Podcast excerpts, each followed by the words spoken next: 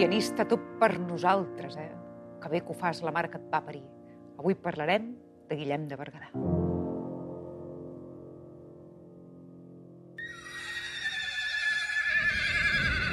Fa molts i molts anys, concretament al segle XII, quan Catalunya encara no era una república, voltaven pel país uns pocs senyors feudals i un munt de gent més pobra que es curà un pinyol per dins.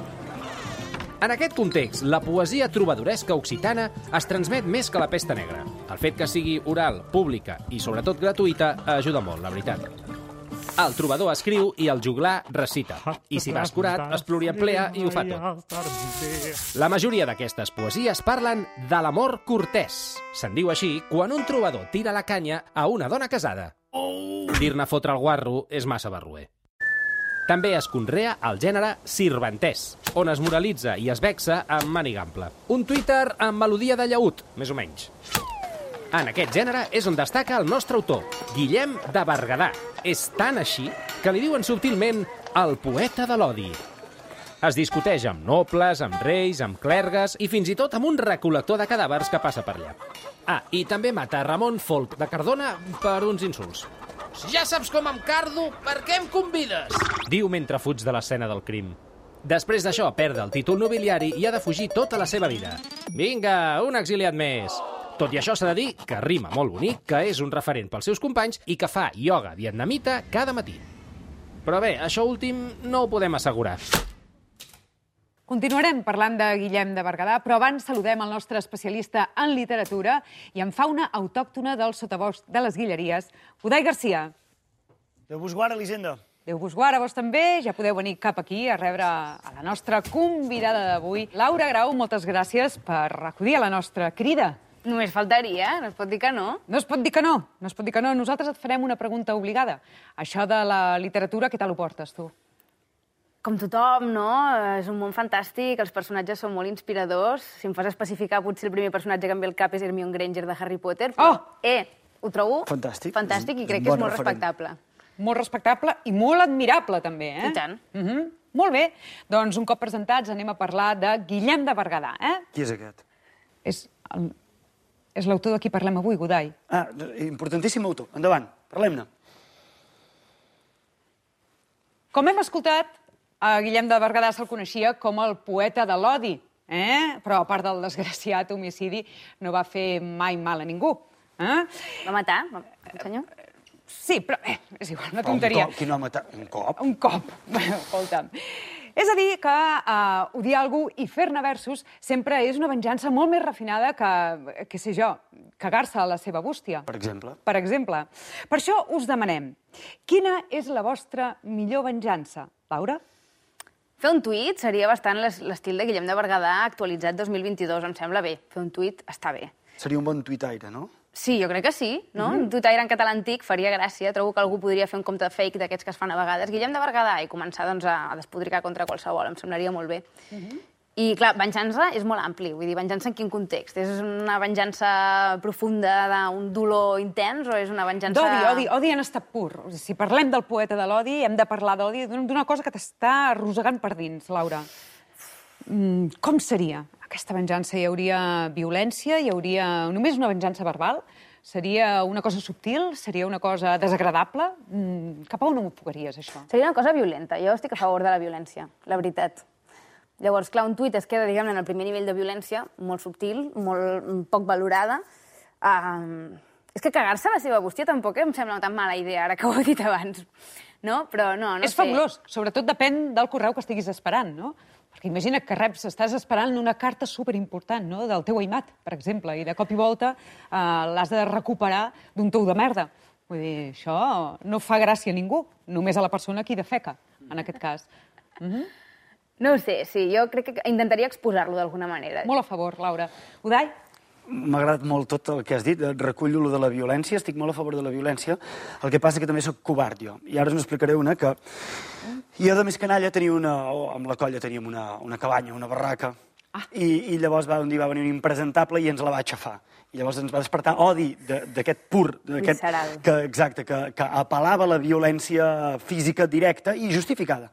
Però com a persones covardes que érem, i per tant que intentàvem sobreviure, llavors el que vam fer és que vam escriure una carta adreçada als seus pares com si nosaltres fóssim la fiscalia dels menors eh, i dient, degut a que el seu Uau. fill ha reincidit molt en actes delictius, eh, s'exigeix que vagi directament a ingressar-se a un centre correccional a Té Alta mèrit, Fulla. té Està molt bé, sobretot puntualitzar a Altafulla. Alta, com- perquè vam buscar, vam buscar... Vam buscar eh, el lloc en- més lleig de Catalunya. En un protointernet, no, que hi havia un centre allà, hi havia un centre, Ah. un dia on existís un centre. Sí. I, bueno, no de, es devia quedar amb res això, però des del nostre punt de vista de joves d'Agnès i Porros, allò era... Ens vam sentir contes de Montecristo. Ah, d'acord. Agnès no és una amiga vostra que es digués No, Agnès? d'Agnès, d'Agnès Baris. D'acord, de grans a la cara. Correcte. Mm -hmm, molt bé.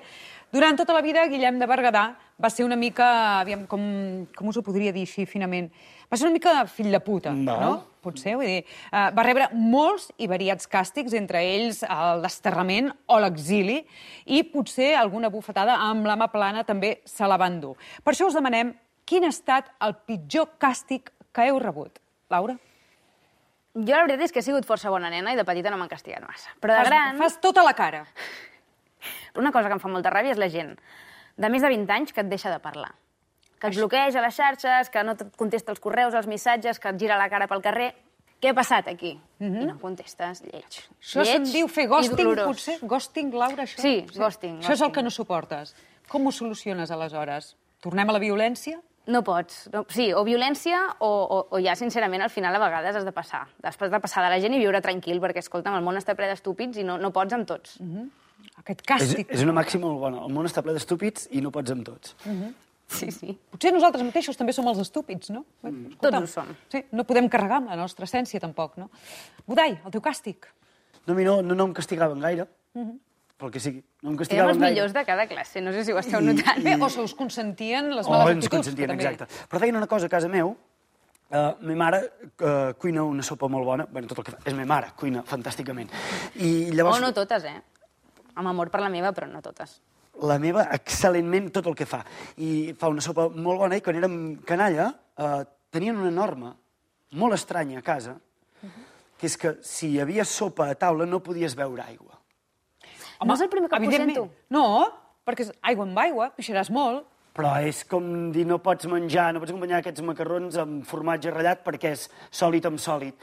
Jo crec que és com, m'he currat molt aquest líquid i aquest que surt gratis de l'aixeta no, no ocuparà el mateix espai una mica aquí. I Correcte. Jo fins que vaig ser gran i vaig compartir amb els amics no em van dir no està bé, hi ha alguna mena de...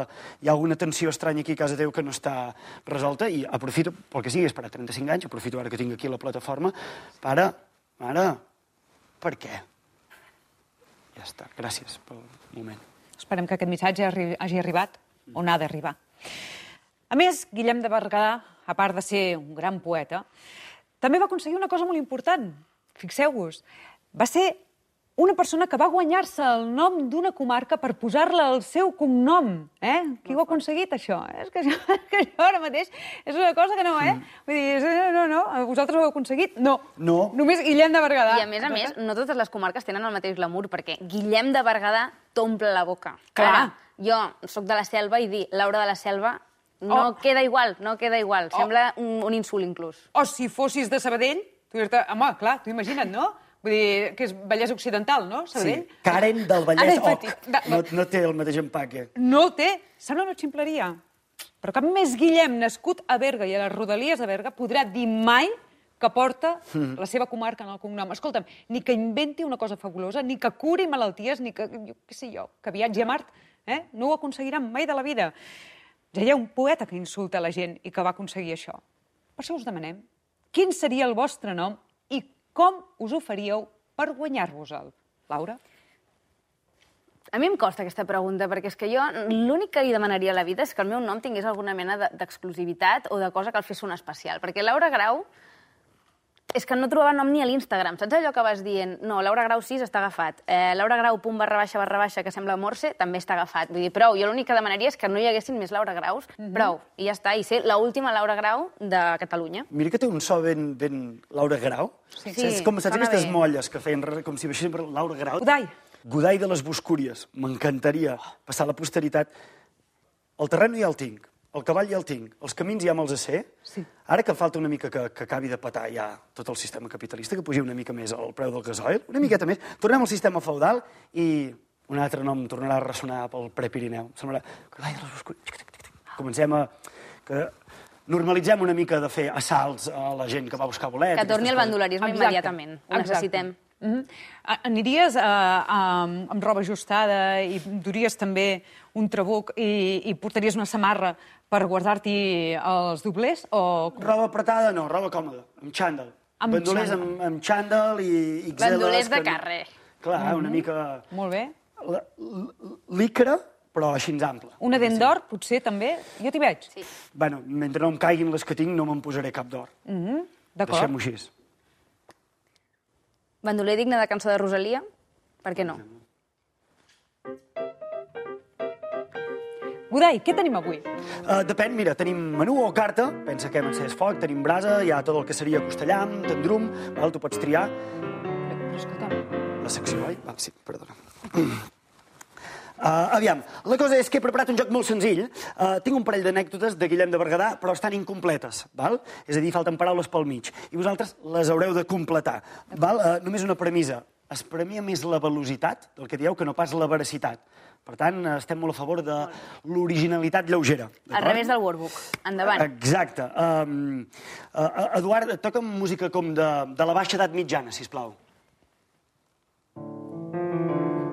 Fantàstic. Comencem amb tu, Elisenda? D'acord. Uh, Som-hi. Uh, Guillem de Berguedà era nascut a la comarca de... del Maresme. S- Bueno, del Berguedà, eh, aquesta era la fàcil. Com ja hem anat explicant, els seus sirventesos atacaven a tot Déu. Això li comportà tenir molts enemics. Un dels més importants era el seu arxienemic, anomenat Uh, uh, Joan Carles, primer. Podia sí, però se'l coneixia com a Pons de Mata Plana. Val. Per aquest motiu, Guillem de Berguedà no va parar de dedicar-li improperis. Els insults es basaven en dos aspectes de la seva víctima. Un d'aquests aspectes era El seu nas prominent. uh, el seu físic, molt bé, molt bé, molt bé, i l'altre era, Uh, el seu mal alè. tant de bo, l'atacava perquè per la seva homosexualitat, com que era un imbècil i un homòfob de merda, creia que això era una cosa... És igual. Uh, ara bé, uh, tenia insults per tothom. El bisbe d'Urgell li va dedicar insults com ara cara de marbre, Oh, nas de serra, o el fill de puta. no, serraí cara girat. Anava ah. tenia un altre to, tenia un Sí. altre to. Un dels seus poemes acaba dient serraí cara girat que amb tants homes ha Uh, ballat. cardat. Molt, però molt bé, molt bé, molt bé, fins aquí. Uh, molt bé. Laura, et tocarà ara tu. Eduard, Nervis. Uh, uh, música com de l'alta edat mitjana, si plau. Ah. Però això és la mateixa, no? Sí, però la toco amb to major. Ah, molt bé, eh, entesos. Aquesta és la professionalitat que busquem. Val, som-hi, Laura. Abans d'assassinar el vescomte Ramon Folc III de Cardona, Guillem de Berguedà ja havia estat a la presó per Uh, robar carteres? actuacions contràries a la política reial respecte a la noblesa, que poder era robar carteres de rics. Sí, és bona, és Gallines, bona. gallines en aquell moment. O sigui, gallines, exacte. Punt per tu. No, amb tu no hi havia punts, amb ell ara hi ha punts. No, no, val? i em sembla bé. Precisament a Ramon Folc III li va dedicar un vers preciós amb un insult molt clar. L'insult, quin era? Uh, era molt d'agafar parts del cos i coses, no? Tipo, mm, penis de suro. Bueno, eh, eh, no ens consta, si més no. Li va dir que era cornut. Però, mm, el, el vers següent deia així, atenció, perquè veieu com ho feia anar. Ses mullers amb mi han fet el son i han deixat que begués mon cavall a sa font i per sota el seu pont. Subtil, però no... Això gaire. proscrit, eh? Ara poliamor. Ara seria tot uh, fantàstic i corporí. Exacte, seria... Ui, tant. Uh, continuem. Però fou l'assassinat de Ramon Folc III el que el va portar a l'exili. Se sospita que es va passar un temps a la ciutat sagrada de... Jerusalem? Santiago de Compostela, molt bé, un altre punt per tu. És a dir, vés a saber si va ser un dels primers catalans que va fer el camí, no? fins i tot. Val? En aquest exili constant va entrar en contacte amb altres trobadors, com, atenció, Bertran de Born, Peire Vidal o el duc d'Aquitània, que aquest últim popularment es coneixia com a... Mm, tabalot. Ricard Cordelló, molt bé, mig Molt bé. punt, molt bé, perquè alguna vocal has encertat. Era Segons era. alguns Era escrits de l'època, atenció, és l'última, eh? Concentreu-vos. Guillem de Berguedà va morir a mans de... Abans d'aquí podia morir a l'edat mitjana del clero. d'un un soldat que segurament li enviava algun capellà, jo, però per ordre directe de... El rei, perquè al final qui s'embrutava les mans eren els altres. Per ordre d'un dels seus enemics, que segur que era el rei. Guanyes tot, s'ha acabat. Això que fa en Godai. Va així, Elisenda, això. Com sempre, molt ben documentat. Només dos apunts. Em sembla que tenir un penis de suro va molt bé, perquè si no hi pots tenir relacions sexuals, si més no pots tapar alguna ampolla, Sí, sí, sí. I a més ja, ja està bé que una persona que no està bé no tingui relacions sexuals. Exacte. I per últim, em sembla una cosa molt grossa que hagis dit Jerusalem i no Granollers. Que tothom Ciutat ho sap. sagrada. Ciutat sagrada. Moltes gràcies, Godai. De res. Moltes gràcies, Laura, per acompanyar-nos A vosaltres. en aquest petit espai que sempre serà el teu. I fins aquí una història de la literatura. Segurament no és el que esperàveu veure, però això ja és una altra història.